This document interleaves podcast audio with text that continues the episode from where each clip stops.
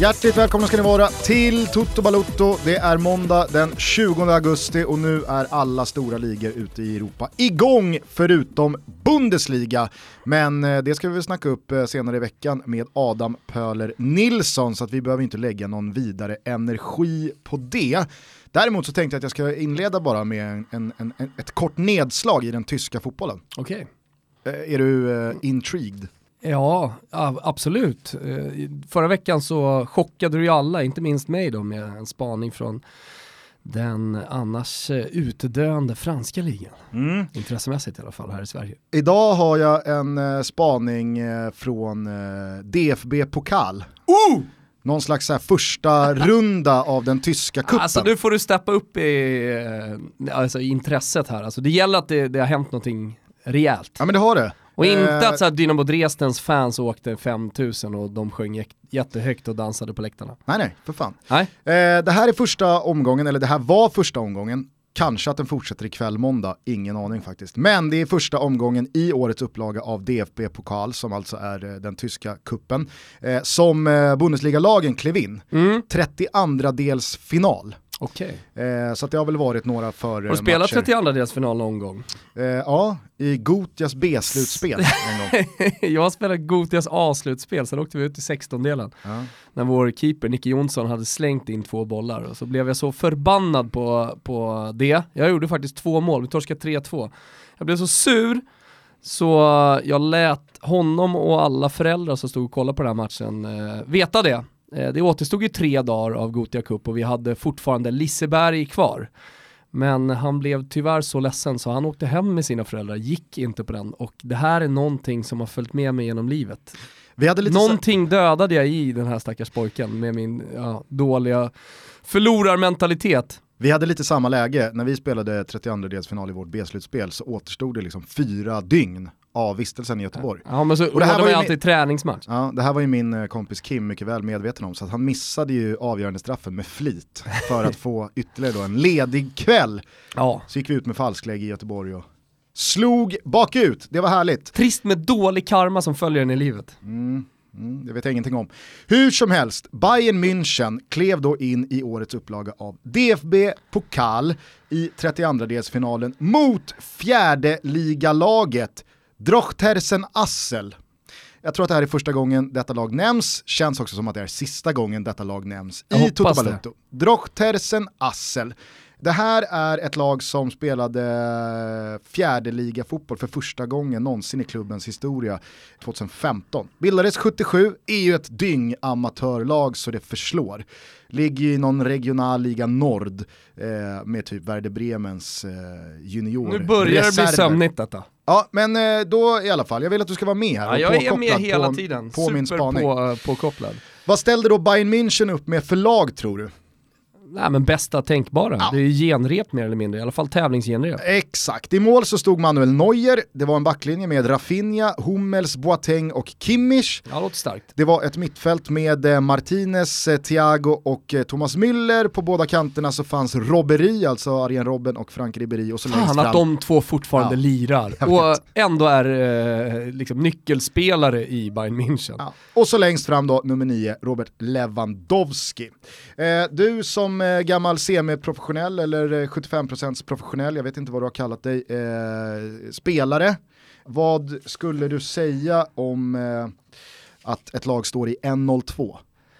Ja, det, det är sällan, eh, eller sällan det händer, det är klart att det är sällan som händer, men alltså en, just oddset 1-0-2 gör ju någonting med mig, det vet du Gusten. Ja. Det är ju, det är ju ett eh, vad är det, kombvirke som eh, har gått till historien. Ja, den gamla spelexperten på Svenska Spel, Matte Forslund, ja, rekommenderade en gång. Åkte ut från Svenska Spel efter att ha kommit till en tischa som det stod vadå på. Jag behöver inte säga. Men, eh, men Sävehof, eh, de vann aldrig, eller hur? Trots kombvirkets eh, kraft. Nej, kryssa, 27-27 mot drott. Stod 1-0-2, då kanske. Kan man använda som då kombvirke. Nej, men, eh, det, det, finns ju en spelform som heter Asian Handicap. Eh, där det då hela tiden bara finns två alternativ, inte tre alternativ. Och eh, när man då spelar helliner, alltså inte halvliner, för då kan det ju bara gå eh, på två sätt, eh, utan man spelar då plus fem till exempel. då får man pengarna tillbaka om det stannar på exakt då 5-0 eller 5 eller 6-1. Eh, samma sak när det gäller över underspel, spelar man då över två och det stannar på två, ja men då får man pengarna tillbaka, kallas push. Eh, Den här, alltså den här matchen... Vad vill du säga? Jo, det är, det, alltså det, är det, det sjukaste utfallet på en match rent oddsmässigt jag någonsin sett. Jag antar att du inte vet hur det gick i matchen? Nej, nej, jag har noll koll. Jag nej. tror att 99,9% av våra, äh, ännu mer, alltså det är Pöler som möjligtvis har koll på detta. Ja, eh, I den då, eh, vad, vad, vad kallar Olenklint sin gebit av spelmarknaden? High, eh, Highpoolen. ja, kan vi säga. Ja, alltså där de värsta sitter brukar man ju säga att ett snittodds eh, ska ligga liksom runt två. Ja. Runt dubbla ja, pengar. Om, om, man har hemmaplan så kan det ligga på liksom 2-2-10 eller någonting ja. sådär, om det inte är något exceptionellt. Men det är sällan man pratar om odds i spannet 1-10 till 1-50. Om, om man säger såhär, om det är två lag som möts som är lika bra, ja. då brukar oddset vara 2-0-8 på hemmalaget. Mm. Då vet man att så ja men då värderar eh, oddsätta marknaden eh, lagen ungefär eh, 50-50. Jag menar bara att det är sällan... Med hemmaplansfördelen så blir det liksom större fördelar. Jag menar bara att det är sällan storspelarna sneglar åt odds under 1,50 eller över 2,40. Ja men så här, det brukar vara runt 1,70 och 2,20 ungefär. Mm. Ja. Eh, nu ska vi se vad de här jävlarna hette då. Drochtersen Assel. De stod alltså i draw no bet 23 gånger pengarna. Ah. Det är ju starka papper. Det är ett jävla odds. Eh, plus 2,5, alltså de kan torska matchen med två mål och ändå så vinner man på spelet. Stod i vad då tror du? Ja, högt. Det står ju 6 ja. och 80. Mm. Eh, vi kan gå vidare i oddslistan här för att ni ska förstå vidden av det här. Plus 5. Alltså, mm. eh, Pengarna tillbaka om de torskar med 5-0. Dubbla degen. Ja.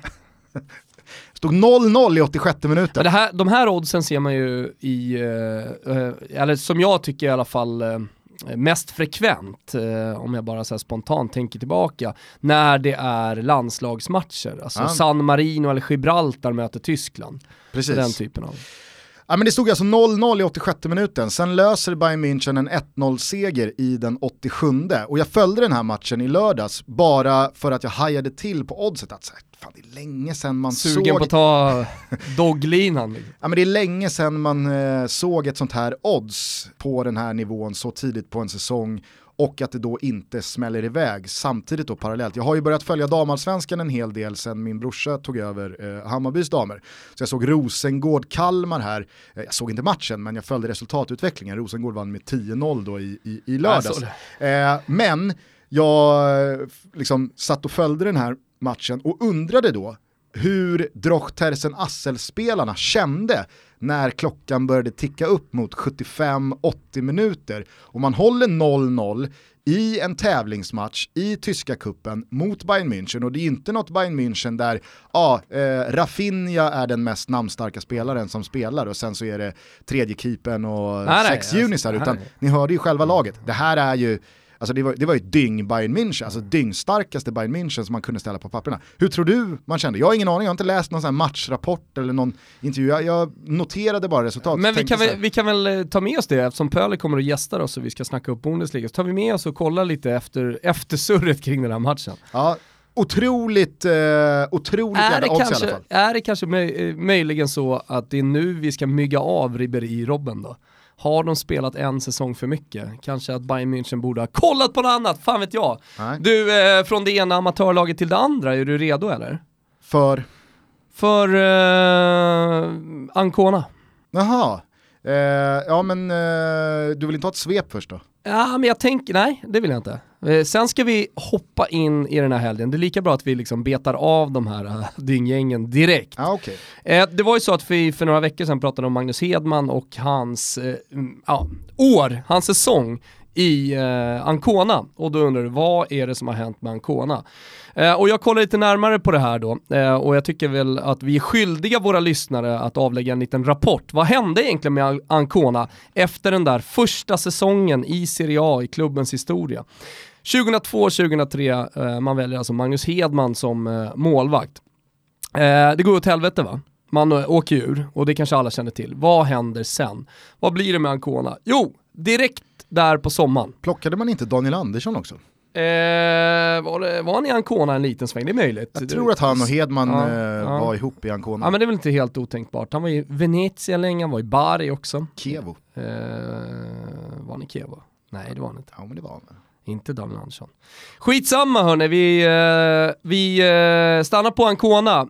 Klassisk då italiensk klubb, fast kanske den värsta av dem alla. Man pratar om fans som har lidit. Eh, när jag då tittar på vad eh, Ancona har gjort sedan 2003 så är det dyster läsning Gusten. Vi vet ju om att många av de här klassiska eh, klubbarna som har framförallt figurerat i Serie B men kanske gjort någon session i Serie A har haft det extremt tufft när den eh, när de ekonomiska problemen då hopade sig eh, och det var ju runt 2003-2004. Lazio och Roma räddades av Salva Calcio-lagen, eh, Fiorentina, ja de blev av med allt, till och med bollnäten. Men det blev ju till slut då, efter att liksom ha ja, försökt att hålla emot, eh, även stora problem för eh, Moratti som var tvungen att sälja Berlusconi så att eh, den ekonomiska krisen nådde till slut eh, alla klubbar.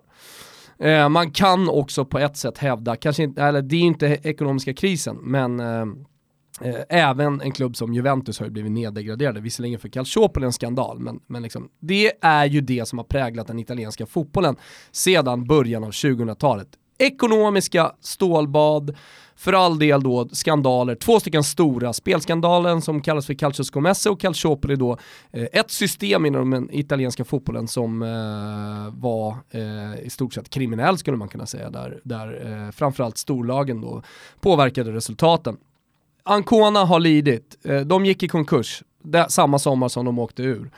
Och blev då neddegraderade i C2, fick också byta namn för det gör man när man startar om. Så liksom från att ha varit bla bla bla Ancona så blev man Assos, eh, Associazione Calcio Ancona. var väl AS. samma sak med både Napoli och nu senast Parma va? Exakt, Napoli är en av de klubbarna som har varit nere och vänt i C. Och bytt namn. Ja, det, man gör då ett försök, eh, man kommer upp i Serie B, men några år senare så blev man då återigen eh, neddegraderade på grund av eh, sina ekonomiska problem och man går yt i ytterligare en konkurs. Helvete vad jobbigt tänker du, men nu ska man väl försöka ta sig tillbaka. Icke. Några år senare så blir det konkurs igen. Tredje konken. Jajamensan, tredje konken. Och man försöker starta om, man blir hela tiden nedgraderad i typ Serie D. Men nu har det italienska fotbollssystemet tröttnat. Eh, eh, nu startar Ancona upp igen som Unione Sportiva Anconitana Associazione Sportiva Dilettantistica. Och det är vid det sista ordet jag liksom vill stanna, dilettantistica. Nu har det italienska fotbollssystemet krävt att de får in amatörklubb i, i sitt klubbnamn. För eh, dilettanti är amatörer. Eh, och inför då förra säsongen så börjar man i eh, Prima Categoria i Marke. Man kommer ifrån eh, då den lite bortglömda regionen Marke. Där eh, många har eh, då eh, på senare år börjat kolla på hus för det är jävligt billigt där. Skitsamma, och nu så vann man Prima Categoria inför då den här säsongen.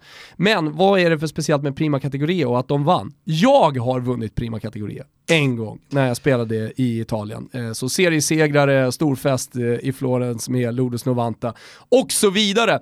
Det säger väl allting om vilken låg nivå Ancona är på. Det var dit jag tänkte komma. Alltså, det, det, det har blivit en amatörklubb, sen så är ju Ancona ändå en stad att räkna med. Vem vet, kanske någon eh, lokal eh, entreprenör tycker att det är dags att göra Ancona stora igen, så inom tio år är de i Serie B. De har i alla fall större möjligheter än Lourdes Novanta att komma dit med sitt namn och sina, sin historia och sina traditioner. Jag tyckte i alla fall att det var lite roligt att jag i alla fall har vunnit samma serie som Ancona vann förra. Mm. Där har ni hörni!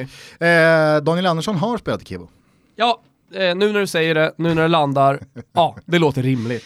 Härligt då, från eh, pissgängen Drochtersen, Assel och Ancona då, till lite större spelare på fotbollsscenen. Är du redo för ett svep? Oh, om jag är. Kör Kimpa! I Italien var det Serie A-premiär och initialt riktades alla blickar mot Bentegodi i Verona för såväl Juventus som Cristiano Ronaldos första match. Det såg länge ut att bli ett poängmässigt fiasko, men som så många gånger förr lyckades den gamla damen krångla sig ur en match med tre pinnar på kontot. De satt dock otroligt hårt inne, Ronaldo gjorde inga mål och firma Chiellini Dybala fick utstå hård kritik för att de firat ett senare bortdömt mål samtidigt som eh, Kievos målvakt Sorrentino legat mer eller mindre avtuppad. Hård kritik men svartvit seger. Allt tycks vara som vanligt även i år. Den enligt många största utmanaren i år heter Inter, men de blåsvarta inkasserade ännu en förlust mot Sassuolo, den sjunde på de åtta senaste mötena. Och vi får nog vänta en omgång eller två med att verkligen skrika scudetto-strid om Spallettis bygge. Roma räddades av Edin Dzeko i den 89 minuten borta mot Torino, Justin Kluivert visade klass med sitt inhopp och Robin Olsen höll en ganska skakig nolla. Napoli vände underläge till seger borta mot Lazio och trots många fina individuella prestationer var det Sergej Milinkovic Savic icke-prestation som var den största snackisen efteråt. De båda Genoa-lagens matcher sköts upp på grund av brokatastrofen och Filippo Inzaghi fick värsta tänkbara start på sin tränarcomeback i Serie A när hans Bologna föll hemma mot Spal. I Premier Leagues andra omgång pulveriserade Kun Agüero och Manchester City Huddersfield med 6-1. Chelsea vann ett stormigt, svängigt och bisarrt underhållande London-derby mot Arsenal. Watford med Ken Sema återigen som inhoppare tog andra raka segern. Harry Kane gjorde sitt första mål någonsin i augusti, men ännu en gång handlar snacket efter omgången om Manchester Uniteds resultat, tröga anfallsfotboll och svajiga harmoni. Jesper Hoffman förutspådde att Mourinho inte tränar de röda jävlarna i den 38 omgången och jag tycker att mycket tyder på att han får rätt.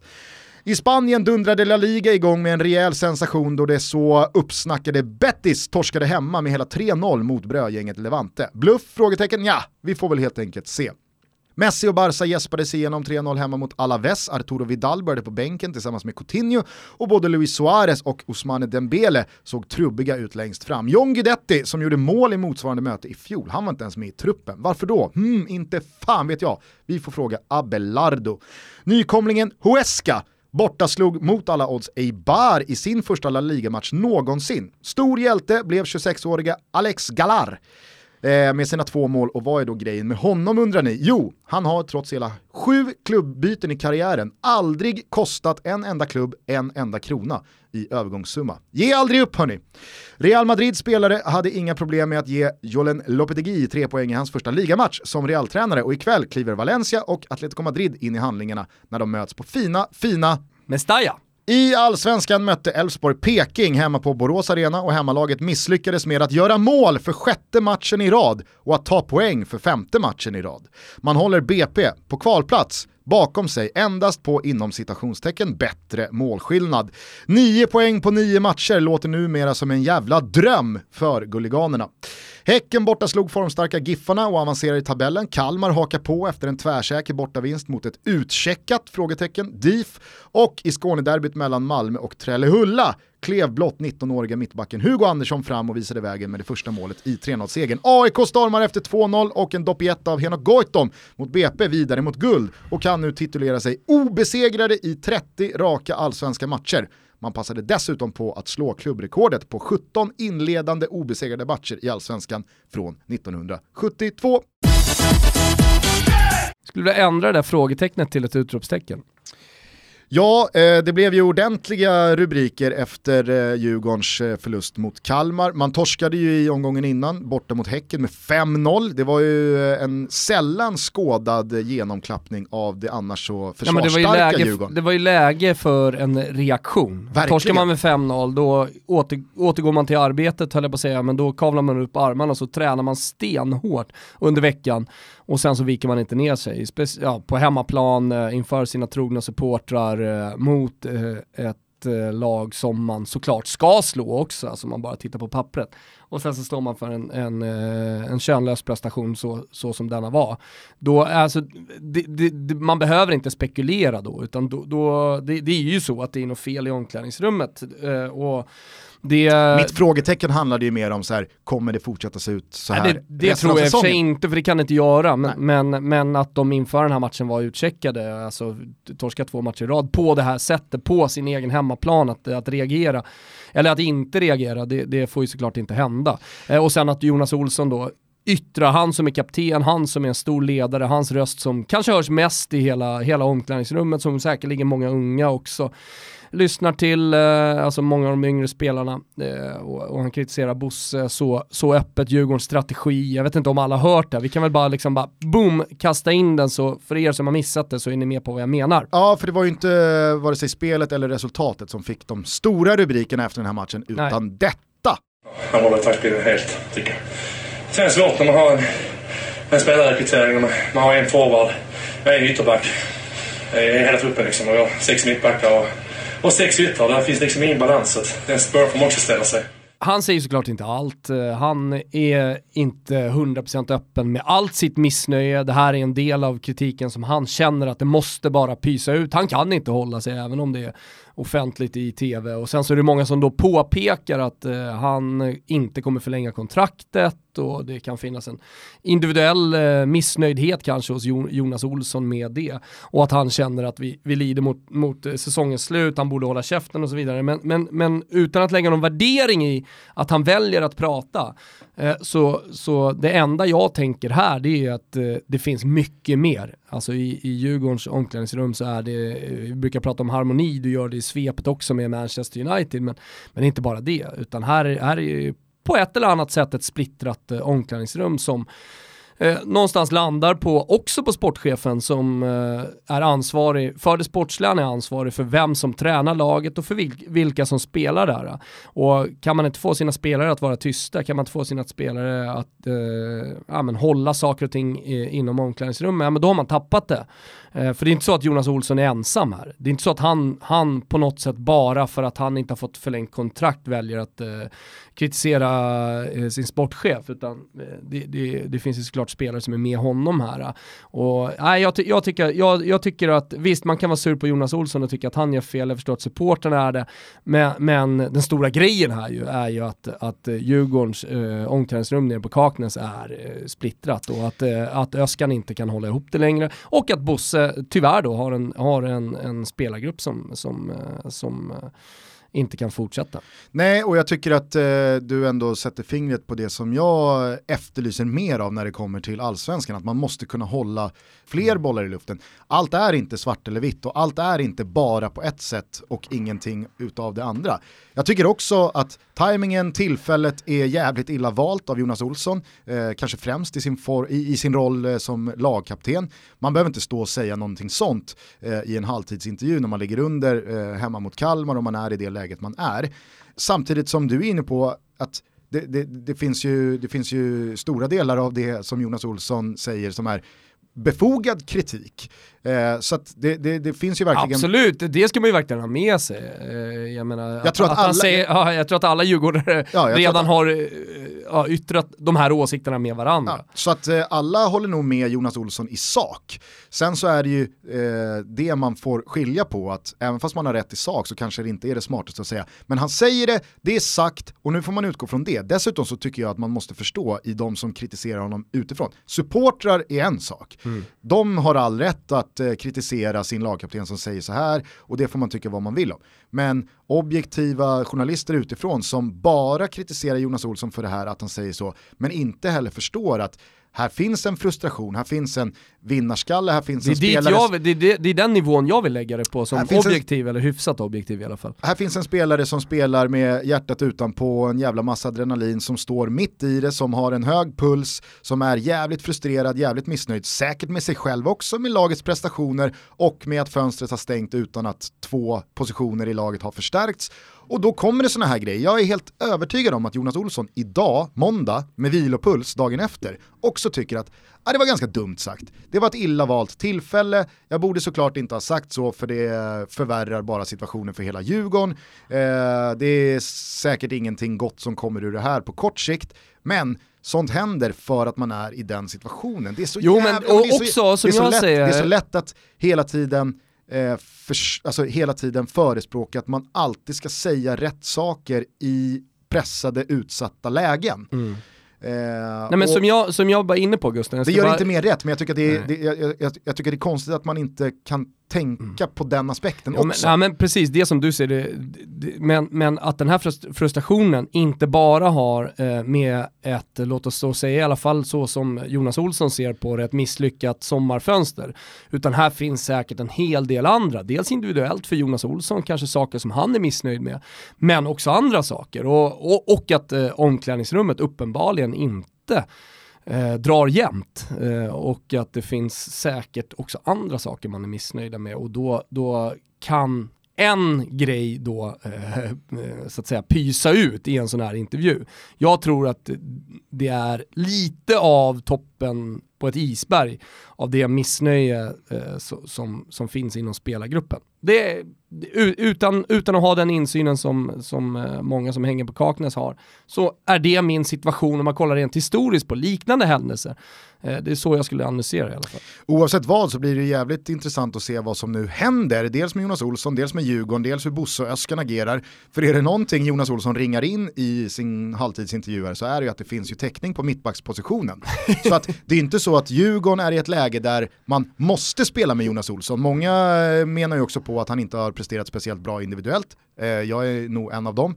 Således så finns det ju en uppenbar risk eller möjlighet, hur man nu väljer att se på det, att Jonas Olsson kanske inte spelar så mycket mer eh, för Djurgården. Mm. Och även fast fönstret är stängt inåt så kan man ju fortfarande släppa Jonas Olsson utåt. Mm. Eh, I alla fall till några länder. Eh, men jag ser det ju absolut inte som någon omöjlighet att Jonas Olsson sitter kvist ett tag här nu. Nej. Kollar man på den backlinjen som Bosse har byggt så är den ju gjord för att spela trebacks. så kanske då att det, han försöker pressa Öskan till att byta spelmodell. Nej det tror jag inte, men, men äh, jag, jag, jag, jag, jag är helt med det där. Det, det, det är nog bland det sista som Jonas Olsson gör i Djurgården. Jag... Svårt att reparera det här bara också. Jag ju, läser ju Öskans ord efter och uh, vad han har sagt. Men, men jag kan tänka mig att det blir en turbulent vecka på, på Kaknäs efter detta. Eh, jag tänkte också på igår, när då alltså man torskar hemma mot Kalmar, AIK vinner, eh, man ja, men, mer eller mindre tappar ju den riktiga kontakten med guldstriden. ja, eh, ja, men det man, man tappar ja. sex poäng här de ja. två senaste. Eh, det känns ganska långt bort efter uttåget också mot eh, Mariupol. Så, så känns det som att hela den här säsongen ser ut att bli en pyspunka. Du är inne på att det är disharmoni, det är toppen av ett isberg som man nu får se. Jag tänker också på en situation som Kerim Rapti, mm. alltså eh, Djurgårdens stora stjärna som var på väg bort i vintras men man höll hårt i honom, man tog en risk att nej men okej, då får vi släppa honom på free transfer om ett år, för nu går vi dels för guldstrid men också för Europaspel. Eh, man väljer att behålla Krim, man släpper honom inte heller i, eh, i sommarfönstret. Och nu så ser det ut att frågan är, hur, blir Frågan är om det fanns eh, många intressenter. Nej men i, i vintras gjorde det ju det. Eh, det Framförallt så fanns det ju konkret. Ja, ja exakt. Eh, men man, man väljer att behålla honom, man får inget eh, sportsligt positivt utfall för det. Så att, eh, ja, det är ett par kämpiga vindar som mm. blåser över Kaknäs och eh, blåränderna. Minst sagt. Eh, vill du säga någonting annat om eh, allsvenskan eller ska vi studsa ut igen i eh, Europa? Ja men alltså vi kommer ju till en, eh, en rafflande slutstrid eh, där Europaplatser ska delas ut och eh, framförallt så ska en vinnare koras. vi har Bayern ikväll som möter Örebro. Örat eh, för att hänga på. Eh. Och så har du ju äh, ångestänglarna. Exakt. Mot Östersund som så mot alla odds smyger med i den där toppstriden. Ja, det, det, det är faktiskt helt bisarrt. Den eh, reaktionen, på tal om reaktioner, alltså så som de reagerar på eh, allting som gick åt helvete och allt strul med Kindberg, alla spelare, nyckelspelare som lämnar. Um, om man kollar då på Djurgården och den lilla krisen som de befinner sig i så tycker jag att man kan bli, vända blicken uh, uppåt uh, och se att man kan reagera på andra sätt också när, när krisen kommer. Ja, på tal om det så inleddes ju den här omgången också med att uh, Dalkurd överraskade alla och gick upp till 3-0 borta mot Sirius mm. i Uppsala-derbyt som skulle vara då spiken i kistan för Dalkurd. Eh, man var ju i uh, usel form. Som Dalkurd kallar det för, slaget om Uppsala. ja. Flög sådär. Flög sådär. Eh, nej men eh, alltså det var ju ett formstarkt eh, Sirius som bara skulle ta tre poäng och skicka Dalkurd ännu närmre mm. superettan. Istället så är det Dalkurd som eh, sprattlar till liv, vinner, tar tre poäng och öppnar upp den här bottenstriden. Nej men eh, jag tänker på det med kriser. Ofta så är det liksom åt ett extremt håll. Antingen så går det rätt åt helvete eller så gör man på något konstigt sätt italienskt vis att man eh, går stark i krisen, kanske inte ur krisen men i alla fall i krisen och vinner som 2006 när eh, hela den italienska fotbollen liksom, eh, rämnade och höll på att gå åt helvete. Eh, och vinner, vinner ett VM-guld eh, som ingen, inte ens italienarna och ja, spelartruppen uppenbarligen, men, men eh, de som följde landslaget nära trodde på. Eh, eh, och då får väl Djurgården symbolisera den ena sidan och Östersund den andra. Ja, så jag tycker nog ändå att det finns betydligt tyngre krisstämpel på Elfsborg än något annat allsvenskt lag just nu. Jo, men det är på olika nivåer också. Är det verkligen det? Ja, kan jag väl tycka. Och sen så har ju krisen eh, kommit till eh, Elfsborg tidigare, alltså den, den har varit lite på gång. Alltså, Djurgården kom den i somras och bara som en jävla käftsmäll nu på slutet. Så eh, det, det, är väl två olika typer av kriser, men att båda klubbarna befinner sig i kris, det är ju uppenbart. Djurgården, eh, Djurgården, Djurgården som har en intern kris, eh, Elfsborg har ingen aning om hur det ser ut i omklädningsrummet, men, men det borde väl vara kan jag tänka mig i alla fall, någon smocka som ligger i luften. Mm. Eh, och ett missnöje från eh, Andreasson, sportchefen, gentemot eh, Thelin.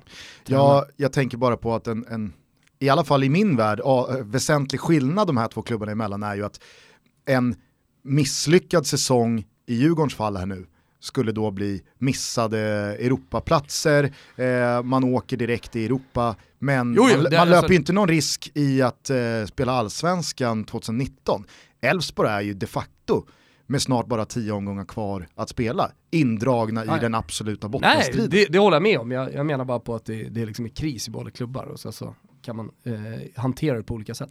Och jag upprepar alltså, sex raka matcher för Elfsborg utan mål framåt. Redan förra omgången slog man eh, då negativt klubbrekord och nu har man fem raka torsk. Mm.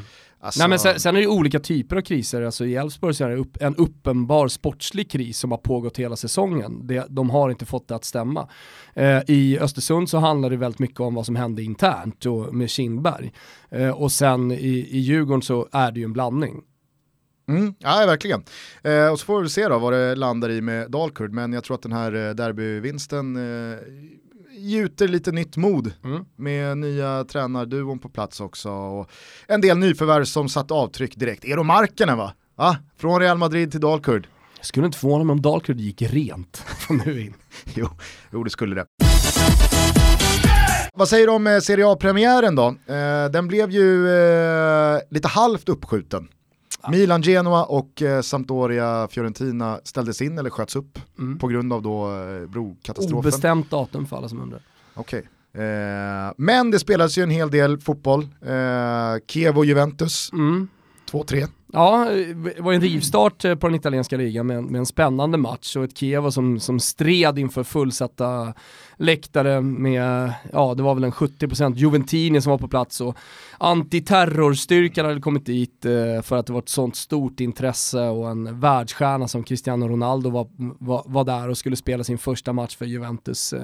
Eh, så ja, jag tyckte, jag tyckte att det var en rolig start, en bra start och sen följdes det upp med, med Lazio-Napoli, direkt en toppmatch som också blev dramatisk. Och, jävla mål. Ja, fantastiska mål. Insigne som gör som Insigne alltid gör, viker in. Han är ju en, en Robben reversed. Viker in och bara sätter den i bortre krysset så jävla snyggt.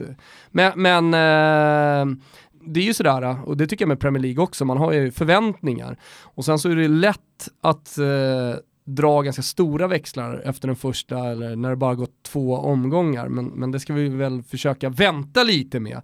Eh, men någonting som jag ändå tycker mig liksom se efter eh, Napolis prestation på Stadio Olimpico om man spelar på bortaplan i en eh, erkänt tuff match eh, med Lazio som har samma tränare, samma lag på banan och således borde vara lika bra som förra säsongen. Och så ett utskällt Napoli då som inte har värvat med en ny tränare, det kanske tar tid att sitta, man har verkligen blandat resultaten på försäsongen. Torskade ju 5-0 mot eh, Liverpool för inte så länge sedan. Eh, så kändes det att man i alla fall ville se Napoli vad de var gjorda av Uh, och det tycker jag att vi fick. Eh, uh, ligga under med 1-0 uh, eh, och ja, man såg ju på sociala medier, ge, medier genast började Napoli-supporterna att eh, spotta och, och skälla. Men den moralen som Mancelotti ändå lyckas banka i spelarna i, i, i halvtid och kanske byggt upp det också under sommaren tycker jag är imponerande. Ja, alltså jag tycker inte den där eh, segern på något sätt är missvisande. Nej, alltså, man ska man inte be om ursäkt för någonting. Och till och med när man ligger under med 1-0 i slutet på första halvlek så var det så här, ja, när som helst kommer ju kvitteringen. Mm. Så kommer den, blir bortdömd. Mm. Eh, folk tyckte ju det var liksom supersäkert att det skulle bli bortdömt. Jag var lite mer skeptisk. Eh, men det var så här, jaha, kvitterar de inte nu så kvitterar de ju snart. Undrar vad Napoli-supporterna ska göra i maj om Napoli vinner scudetton. Senaste gången man va- vann, påminner, var ju Maradonas tid och allting var guld och gröna skora, skogar. Eh, tänk om man skulle vinna i år då, ha inlett den här säsongen med att hata sin president. Skulle man kunna ta tillbaka honom till sina hjärtan och på något sätt hylla honom? Jag vet inte. Nej. Eh, vi ska som sagt eh, passa oss för att eh, dra några större växlar, men det vi i alla fall kan slå fast är ju att eh, Inters buggeteam nummer ett, Sassuolo, fortsätter att eh, lugga dem på både poäng och eh, vinster. Ja, det är sjukt. Det är ju sjukt. Ja. Sju- Du hade statistik på det här också. Sju segrar Ja. på de senaste åtta matcherna. Ja, det är segrar. segrar. Ja. Men är det inte så att Sassuolos president, eh, vad heter han? Eh, Han heter eh, Squincy. Precis, alltså redan när Sassuolo gick upp så pratade han väl om att min stora dröm är att slå Inter. För det var väl han, alltså det var väl det laget han, Han var eh, höll på när han var yngre. Ja, men man säger så här, eh, för er som inte har koll på Sassuolos president, vi har pratat om det tidigare, men han, han, är, ju, han är ju en av de absolut mäktigaste eh, personerna eh, inom eh, liksom, italiensk, eh, inte, italienskt näringsliv. Och ett enormt eh, företag. eh, Och är, är det han som kör flår eller? Nej, nej, eh, det är faktiskt Cagliaris president. Ja. Eh, han som tog över efter Chelino som köpte Leeds och numera är i Brescia. Eh, han, eh, nej, nej, han håller på med kakel och alla produkter som man kan tänka sig inom den industrin. Ja, är det Så- det som är Mapei va? Exakt. Mapei och sen så massa företag under det såklart också. Eh, allt från skruvar och muttrar eh, upp till eh, ja, men det, det finaste kaklet du kan hitta. Finns det slovenska skalbolag? Nej, det finns nog alla möjliga olika bolag där. Men han, han har ju då också varit ordförande för eh, den, eh, alltså den största arbetsgivarorganisationen i hela Italien. Alltså det, det blir man inte bara. Och är god vän också med eh, Berlusconi, det dit vi skulle komma. Har varit på väg in i Milan innan han köpte Sassuolo. var till och med snack efter något år i Sassuolo om att han faktiskt eh, skulle ta över Milan också. Han har absolut eh, eh, den potenta handen och de kontakterna och de pengarna för att göra det. Eh, och precis då så hade han ju tagit eh, eh, lilla Sassuolo upp till Serie B och de var på väg upp i Serie A, på, alltså göra en sån här Cesena-grej, att man går hela vägen på två år. Eh, men man förlorar i playoff mot Sampdoria. Och då väljer Squincy att eh, sälja klubben, eller han, han liksom utåt officiellt säger att eh, jag tänker inte vara med på det här, det är en stor klubb som gynnas eh, och det är en smutsig fotboll, jag skiter i det här nu. Sen går man ändå, han stannar kvar, så går man ändå upp då säsongen efter. Eh, med eh, Di Francesco eh, som numera är i Roma och, och sen så dess har man ju stannat kvar. Och det har man ju gjort mycket på grund av att han är mäktig, han har pengar och kollar man på det laget liksom som, som han sitter på så är det, ja, det, det, det, det är riktigt bra spelare faktiskt. Ja, de har ju dessutom sålt fått bra deg för Ah, ett par spelare. Nej, alltså om, om, man, eh, alltså Sassuolo må vara ett, en liten skitstad, men, men klubben är betydligt rikare och har betydligt bättre förutsättningar än många andra gamla klassiska storlag som nu är Serie A. Men jag skulle säga det, han är stor milanista. Eh, inte bara har han varit intresserad av Milan ur då, liksom affärssynpunkt, utan han, han, han, är, han är enorm milanista. Och, Ja, det var Milan han höll på och då ville, han ville slå Exakt, Inter. han ville, han ville spöa Inter på grund, av, på grund av det. Och det har han ju lyckats med. Ja det får man säga. Eh, det är märkligt sånt där, alltså, det finns ju vissa sådana här boogie-team-relationer. Eh, jag vet att eh, när vi jobbade med Bundesliga så var det ju alltid Bayern München mot Hamburg. Alltså det ska ju såklart Bayern München vinna 19 av 20 gånger, i alla fall på Allianz Arena, eh, när man har det laget man har och Hamburg är inne i den eh, perioden man är i. Men det var alltid liksom så här att ja, men det har börjat rinna iväg här, alltså det blir 5, 6, 7, 8 mål. Och det gick, för, det gick inte för Hamburg att stoppa det där. Varje match var det samma sak, ah, 7-1, 6-0, 8-1. Alltså det var, eh, och så, och så finns det ju några sådana där eh, boogie-team-relationer. jag, jag slängde ut den här frågan på Twitter, jag vet, många Liverpool-supportrar, ja vi har ju samma sak med West Brom. Ja, går inte att slå dem. Eh, Ja, det är sanslöst. Nej men eh, det, det är alltid intressant när man liksom tittar på, på de här klubbarna, typ Sassuolo, hur de har gått upp, vilka är det som, som har lett dem dit? För jag menar, det finns ju några spelare, det finns säkerligen någon tränare som har varit med i den här succén som man har glömt bort lite. En av dem är ju eh, faktiskt eh, Max Allegri. Det var han som eh, gjorde sin gavetta som vi brukar prata om eh, och tog den från Serie C till Serie B. Sen är det väl inte heller helt fel att kalla årets upplaga av Sassuolo som en av de svagare Sassuolo-upplagorna vi har sett här i Serie A. Så att det var ju ett Sassuolo som Inter skulle slå, Inter som ska utmana Juventus i år, som ställde upp med ett riktigt, riktigt bra lag på banan.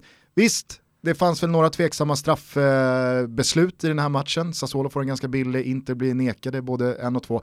Men att, de, att man torskar direkt, alltså jag, jag, tycker att vi inte ska slå på den stora tummen. Men nu är det ju, nu är det ju press på Inter direkt. Ja.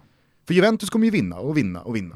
Så att eh, det går ju liksom inte att tappa Nej, men det 5, blir 6, ju- 7 poäng på Juventus Nej, men det är det. innan vi ens är i oktober. Exakt, det, och jag tror inte att Juventus kommer tappa så mycket poäng heller. Så att eh, det laget som ska vara med, de måste vinna 1-0 borta eh, med ett sent mål av Dzeko, så som eh, Roma vinner. Eller vända då till exempel mot, mot Lazio som, eh, som Napoli gör.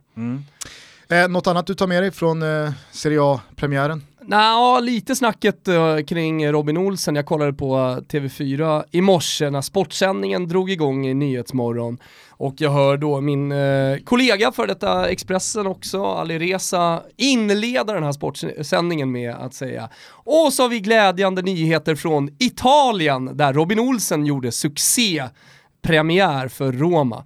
Eh, och sen så går man då igenom två av hans räddningar som är räddningar som han absolut ska göra och eh, Resa kör bara liksom att ah, han räddade Roma från baklängesmål och sen så eh, blir det 1-0 till Roma, det där fina, fina, fina målet av eh, Edin Dzeko. Eh, det, det är ju lite lustigt hur man ser på det där, för jag skrev ju krönika om den här matchen också. Och när man skriver krönika så önskar ju gärna rubriksättare och sånt att man är, man är lite skarp på fiasko och succé och sånt där. Jag brukar försöka hålla mig från det.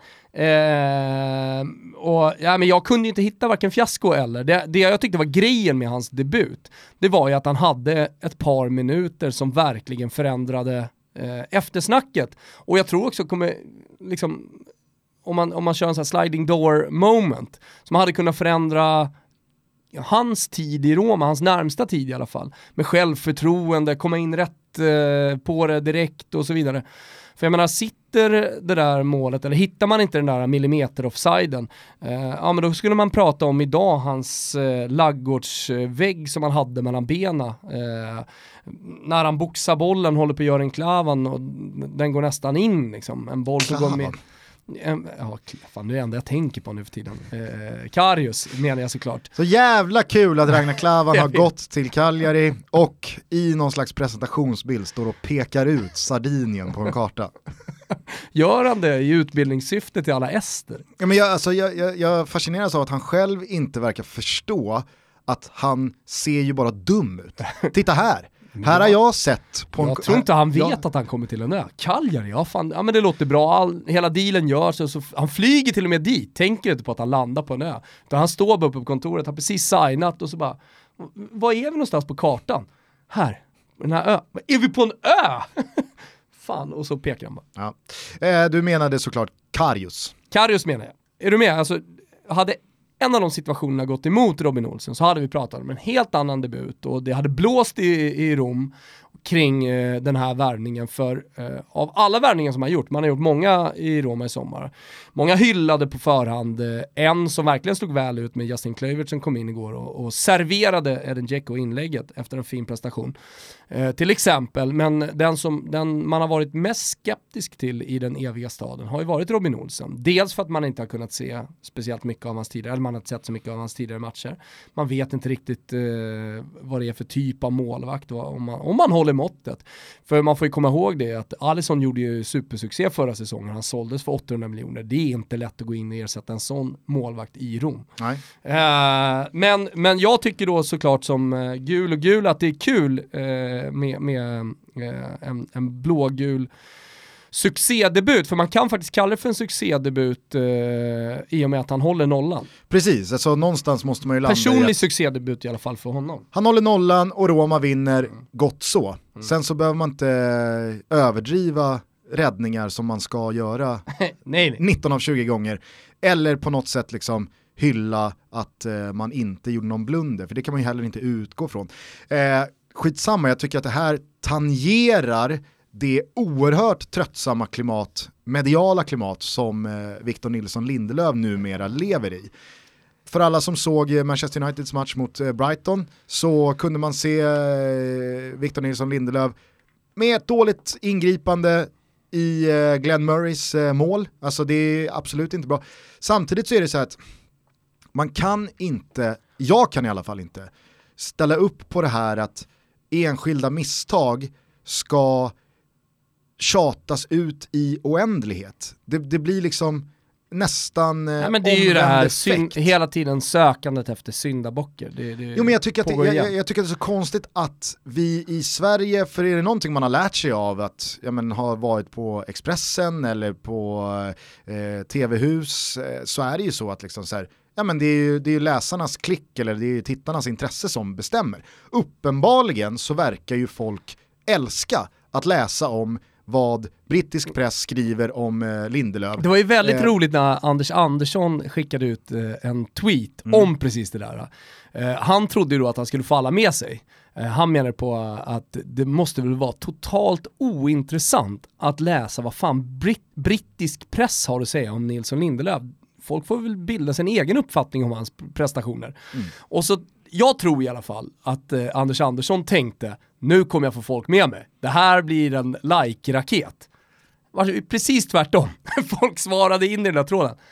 Eh, jag vill läsa precis allt vad brittisk press säger om eh, Nilsson Lindelöf. Ja, eh, det jag i alla fall tycker tangerar Uppenbarligen här, så är det så. Ja, det jag tycker tangerar här Robin Olsen-situationen är att i Sverige så måste vi vill i alla fall kunna lägga på någon slags filter av att ja, men, här är det inte bara Victor Nilsson Lindelöf som folk pratar om. Det är ju alla i United får ju skit. Ja. Alltså, och det måste man ju kunna... Ja, Bailly eh, får väl eh, nästan mest skit väl? Det är det jag menar, jag tycker att det blir någon slags omvänd effekt på Lindelöfs misstag. Precis som det blir när han har gjort en bra match det är ju inte någon gång man i England har liksom såhär, ah, det var Lindelöf, Lindelöf räddade oss. Utan då, då har ju United gjort en bra match. Ja, ja. och sen så landar man ofta på de offensiva spelarna såklart i en segermatch. Precis som då eh, Robin Olsens eh, debut här i Roma. Robin Olsen räddade inte alls Nej. Roma från förlust. Nej. Men han var heller inte liksom, tungan på vågen i att det blev eh, seger. Nej. Han var en sexa, ja. som Gazetta ger honom idag. Det var ju också eh, premiär för eh, Strive mm. i helgen, mm. där man alltså numera ser både Serie A och La Liga. Så är det, alla matcher eh, för endast 79 spänn i månaden. Eller om man vill knyta upp sig på ett år då, en femhunka. Det är ingenting. Eh, och eh, nu har vi varit på presentationen uppe på IMG när de hade någon slags release förra veckan. Och det var ju såklart svettiga IMG-arbetare. De har ju liksom insett då relativt sent att ja, men den, det, det, här, det, här, blir vi som, som, som visar det. Man har ju jobbat på den här plattformen länge, i, i, ett år då för att få till det. För det är ett stort tekniskt arbete liksom, att, att bygga en sån här, en sån här tjänst. Eh, men, men, samtidigt så misstänker jag att det har också pågått förhandlingar med, med de olika tv-husen i, i Norden.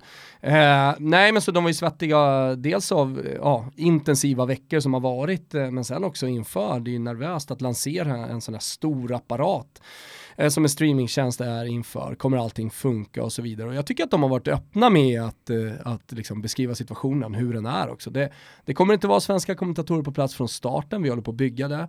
Eh, annat innehåll är någonting som vi verkligen eh, ja, men, liksom har satt oss ner, vi spånar, vi har massa spännande grejer på gång.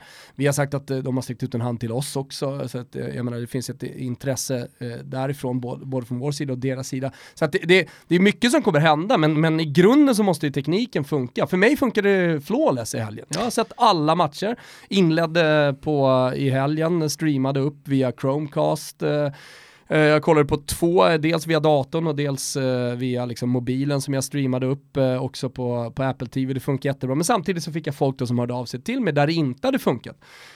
och jag, jag har då varit snäll eftersom jag har blivit kundtjänst till, till, till Strive och, och tagit screenshots på väldigt många av de som har hört av sig har varit missnöjda och skickat det till dem. Så att eh, nu inleds ytterligare en svettig vecka och det är ju bara för dem att kavla upp armarna såklart och, och försöka uh, åtgärda om det är något som inte har funkat. Men, men jag kan säga som så, det är att eh, alla jobbar mot ett och samma mål och det är att få det här att funka hur jävla bra som helst. Eh, och jag, jag tror det är bara en tidsfråga man kommer dit.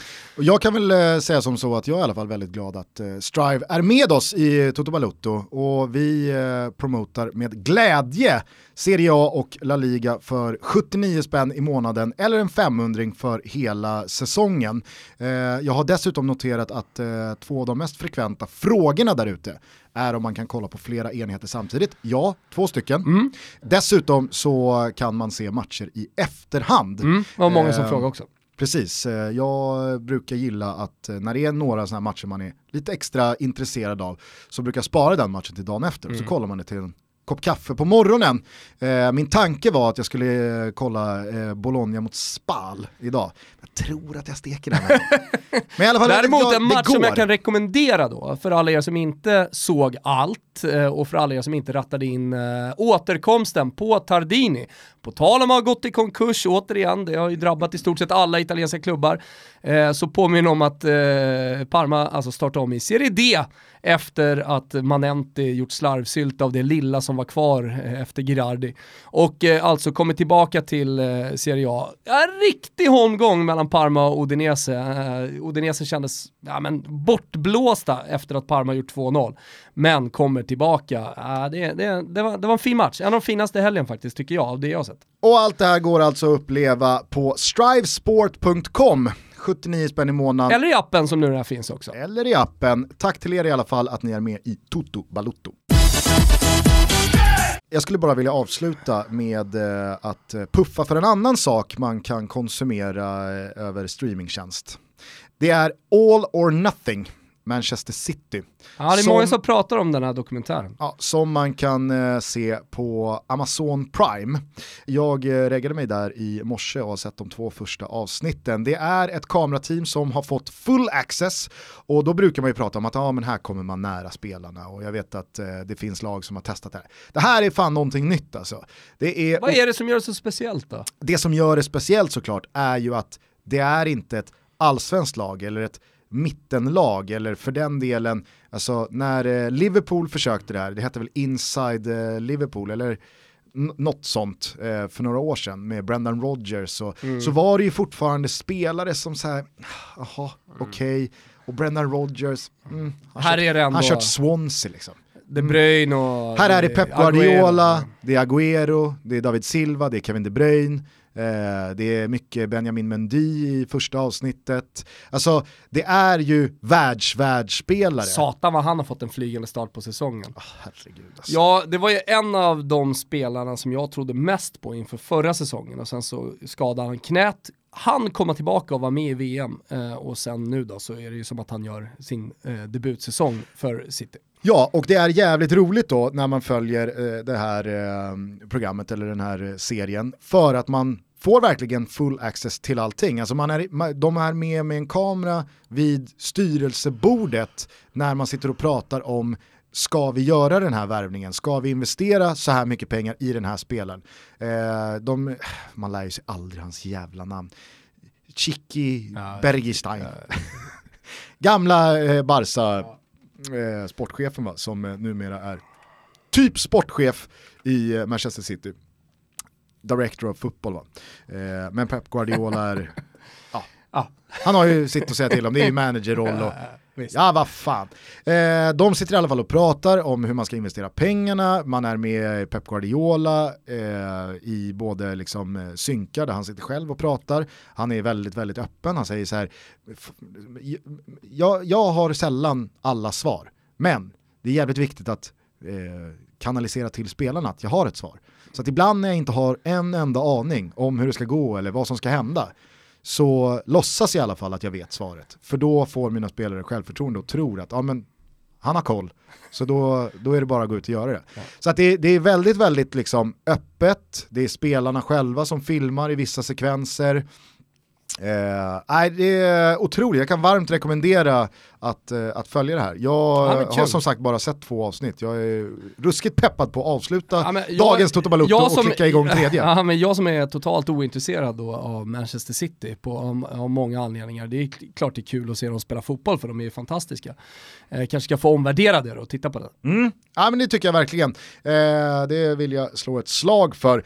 Vi slår också ett slag för eh, att eh, fortsätta lyssna på Toto Balutto. Pöler kommer till oss i veckan, mm. snackar upp Bundesliga och den tyska säsongen. Har han med sig någon säsongstrippel eh, på Betsson inför starten här? Det hoppas jag verkligen. Mm. Har Schalke någonting på gång? Ja, jo, frågan om vi ens ska ställa oss den frågan. Frågorna är många, förhoppningsvis så ger Adam er svaren. Dessutom så har vi väl ett par gäster som knackar på dörren vad det lider. Mm, vi har ett par gäster som eh, står utanför här och jävligt ivriga att komma in i Toto-studion. Eh, vi har också en Toto-kuppen tillsammans med Betsson på väg in med en fin resa i potten som vi ska åka på. Verkligen. Så, eh, Älskar Toto-kuppen. Ja, ja men en, en eh, härlig höst att se fram emot. Alltså en dag som denna när, eh, när vardagen verkligen har kommit över en.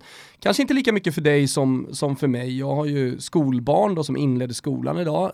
Det var på något sätt symboliskt att det var den kallaste dagen på väldigt länge också när man gick, i, eh, när man gick upp i morse och barnen fick sätta på sig eh, jackor liksom och, och, man satte sig på väg till skolan och träffade alla föräldrar. Jag vet att många sätter sig vid sina skrivbord idag och någon ska berätta om hur varmt det minsann har varit och vilken fantastisk sommar och hur kul man har. Vi är ju några som tycker att det där är lite jobbigt, jag, jag är en av dem. Eh, så hoppas att eh, Toto Balotto kanske kan vara liksom, någon slags värme i det kalla som börjar, för det är väldigt mycket av en omstart. Dessutom så stundar det ju en eh, ny landslagscykel som alldeles strax ska dra igång och därför tänkte jag att du och jag till nästa avsnitt ska ta ut våra facit. EM-kval eller Nations League, vad det nu är som jag ska, spelas. komma med facit. Våra trupper. Mm. Det finns ju en del namn som antingen ska fasas ut eller fasas in. Ja, det har ju börjat snackas väldigt. In, alltså. Sampa ska ju in. Vilken kemi med van Persie nu alltså. Om ni inte har sett det målet, gå in och kolla på det. Nej, men sen så har du ju då Joel Asoro som har startat starkt i Swansea som många menar på är coming man. I andra änden då, alltså i, i negativ eh, aspekt så har ju Alexander Isak haft en jobbig eh, sommar och start på säsongen. Mm. Eh, Rykten om att det inte är helt harmoniskt där heller. Granen verkar ju eh, inte vara den enda gamla räven som ska fortsätta. Jag skulle inte bli förvånad om både Sebbe Larsson och Marcus Berg och hela gänget eh, tuggar på. En del, en del eh, ja, tunga, svåra beslut också för Jan Andersson att ta då.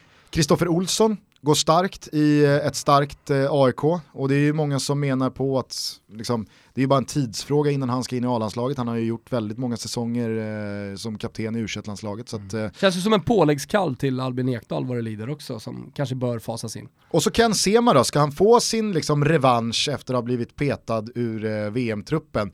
Nu får han speltid i Premier League, gör det bra. Mm. Och, och oavsett nu om Granen blir kallad som har sagt att han vill fortsätta eh, så blir det ju... Fan en... deppigt om han inte blir kallad nu.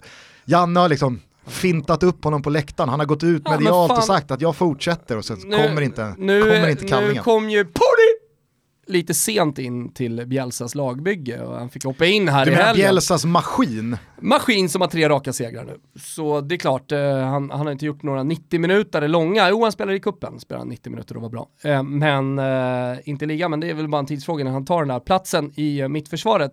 Eh, intressant val även där. Vem är det som, eh, som startar bredvid Vigge som känns given? Hörni, tack för att ni lyssnar. Tack Betsson för att ni som alltid är med oss i Toto Balutto. Fortsätt eh, skriva till oss på sociala medier, kanske även via mail. Vi finns ju eh, på totobalutto.gmail.com. Där brukar det komma härliga eh, mail ibland. Långa mail också, långa det, de mail. älskar man. Det är högt och lågt och det är förslag på ämnen och eh, tips på gäster och så vidare. Mm. Eh, vi kanske ska eh, få in Andreas Brännström till slut. Han mm. har ju plockat J Södra här nu. Brännan. Brännan. Ta brännan ner till uh, Jönköping. Bibelbältet. Jajamän. Ciao tutti, puss och kram. Ciao tutti.